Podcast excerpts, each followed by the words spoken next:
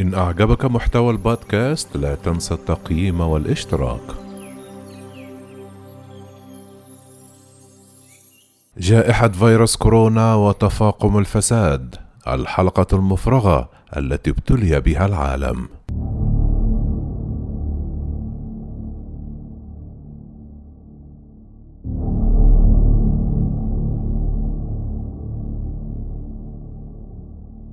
يسلط التقرير السنوي لمنظمة الشفافية الدولية الذي صدر الخميس الضوء على كيفية التي سهل بها تفشي جائحة فيروس كورونا انتشار الفساد في جميع أنحاء العالم وكيف تسهم ظاهرة الفساد تلك في تفاقم الأزمة الصحية.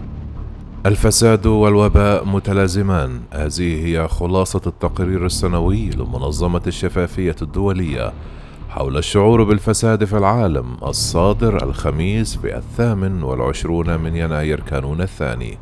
فقد أكد كاتب هذا التقرير أنه ليس فقط لم يتم إحراز تقدم في مكافحة الفساد في معظم دول العالم فحسب بل إن أكثر من ثلثي الدول التي شملتها الدراسة حصلت على درجات أقل من خمسون نقطة.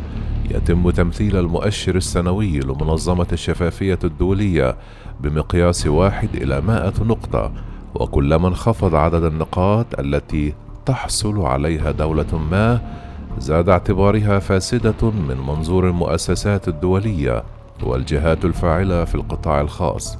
هذا التصنيف يجمع بالفعل البيانات المتعلقة بالفساد من ثلاثة عشر مؤسسة مثل البنك الدولي والمنتدى الاقتصادي العالمي دافوس وشركة دولية للتنبؤ الاقتصادي تدعى Global Insight وإذا كان عام 2020 عاما سيئا فيما يتعلق بمكافحة الفساد فإن ذلك راجع في جزء كبير منه إلى تفشي وباء فيروس كورونا. إن جائحة فيروس كورونا ليست أزمة صحية واقتصادية فحسب. بل هي أيضا أزمة فساد وقد فشلنا في التعامل معها كما تقول ديريا فيريرا مديرة منظمة الشفافية الدولية. إن الوباء يغذي الفساد فقد لاحظنا أن الأزمة الصحية تفرض مزيدا من الضغوط على المؤسسات والتي تصبح بالتالي أقل قدرة على مكافحة أعمال الفساد بفاعلية. يقول باقتضاب روبرتو كوكوتيتشا واحد من كاتبي تقرير عام 2020 لمنظمة الشفافية الدولية في حديثه. والمنطق واضح كما يقول الدول عادة ما تركز جهودها على الاستجابة السريعة لحالة طارئة مثل الوباء. وهو ما يفتح الباب أمام المفسدين للاستفادة من الأزمة ويؤكد روبرتو أن المؤسسات لديها وقت أقل لتنفيذ الضوابط اللازمة لتجنب هذه الانتهاكات.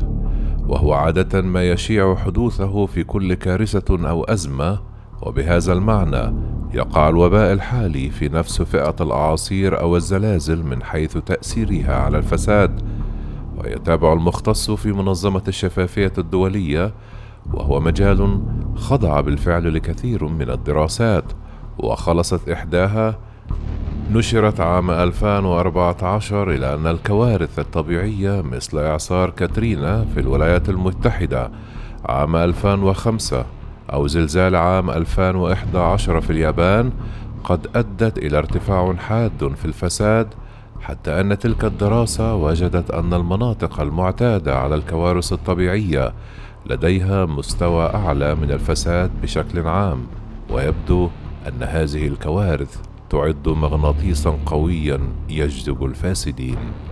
لكن الأزمة الصحية الحالية تعد الحدث الأبرز لأنها غير مسبوقة في التاريخ الحديث.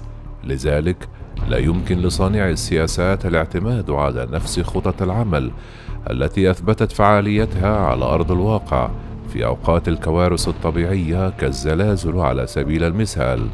لاحظ مؤلف التقرير أن جائحه فيروس كورونا كانت عاملا مهما من عوامل تصارع الفساد وكان ذلك لافتا للنظر بوجهة خاصة في البلدان التي ترسخ فيها المرض بالفعل في أمريكا الجنوبية. وجد المركز الأمريكي للعدالة الدولية أن هناك شكوكا بحدوث فساد في منح العقود الحكومية لبرامج مكافحة الجائحة في 12 دولة وفي الصومال الدولة الأقل تصنيفا على مقياس منظمة الشفافية الدولية أدين أربعة أعضاء في الحكومة في أغسطس آب المنصرم باختلاس أموال كانت تهدف إلى تمويل الخطة الوطنية لمكافحة الجائحة. بالنسبة لهذه البلدان الضعيفة للغاية، إن الصلة بين الفساد وجائحة كورونا تمثل حلقة مفرغة حقيقية، فالوباء يعزز بعض المخالفات التي تؤدي بالمقابل إلى تفاقم آثار الأزمة الصحية في هذا السياق تلخص نيج بوكي المندوبة العامة لمنظمة الشفافية الدولية في فرنسا الوضع بعبارة واحدة: الفساد قاتل.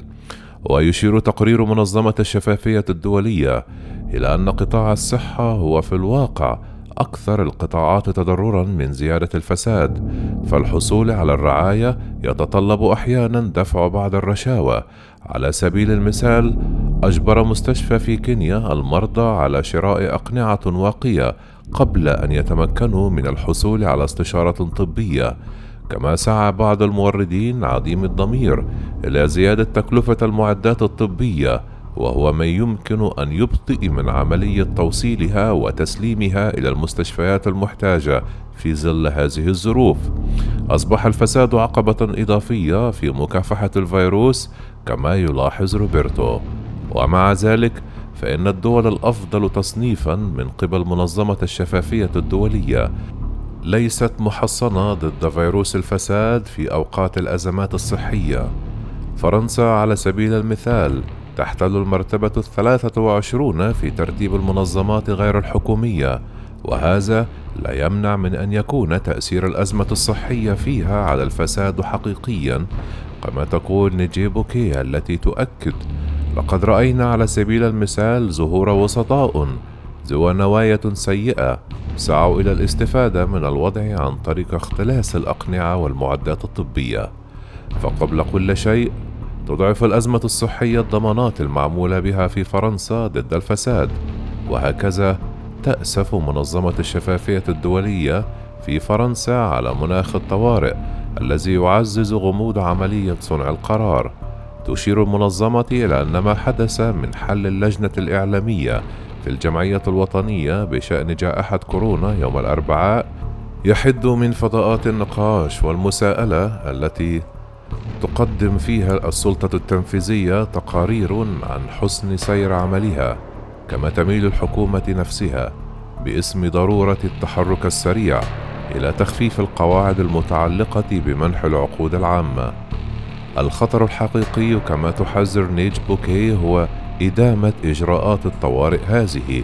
بالطبع هذه الأخبار ليست مماثلة للأخطار في البلدان الأكثر ضعفًا وهشاشة فهي ليست مسألة حياة أو موت ولكن هذه كلها قرارات تفتح الباب أمام إساءة استخدام محتملة بالنسبة للبلدان مثل فرنسا والتي لا تقع في أسفل تصنيف منظمة الشفافية الدولية ربما يكون تأثير الأزمة الصحية أكثر مكرًا ما قد يهوي بتصنيفها مستقبلا نظرا لتزايد الفساد فيها.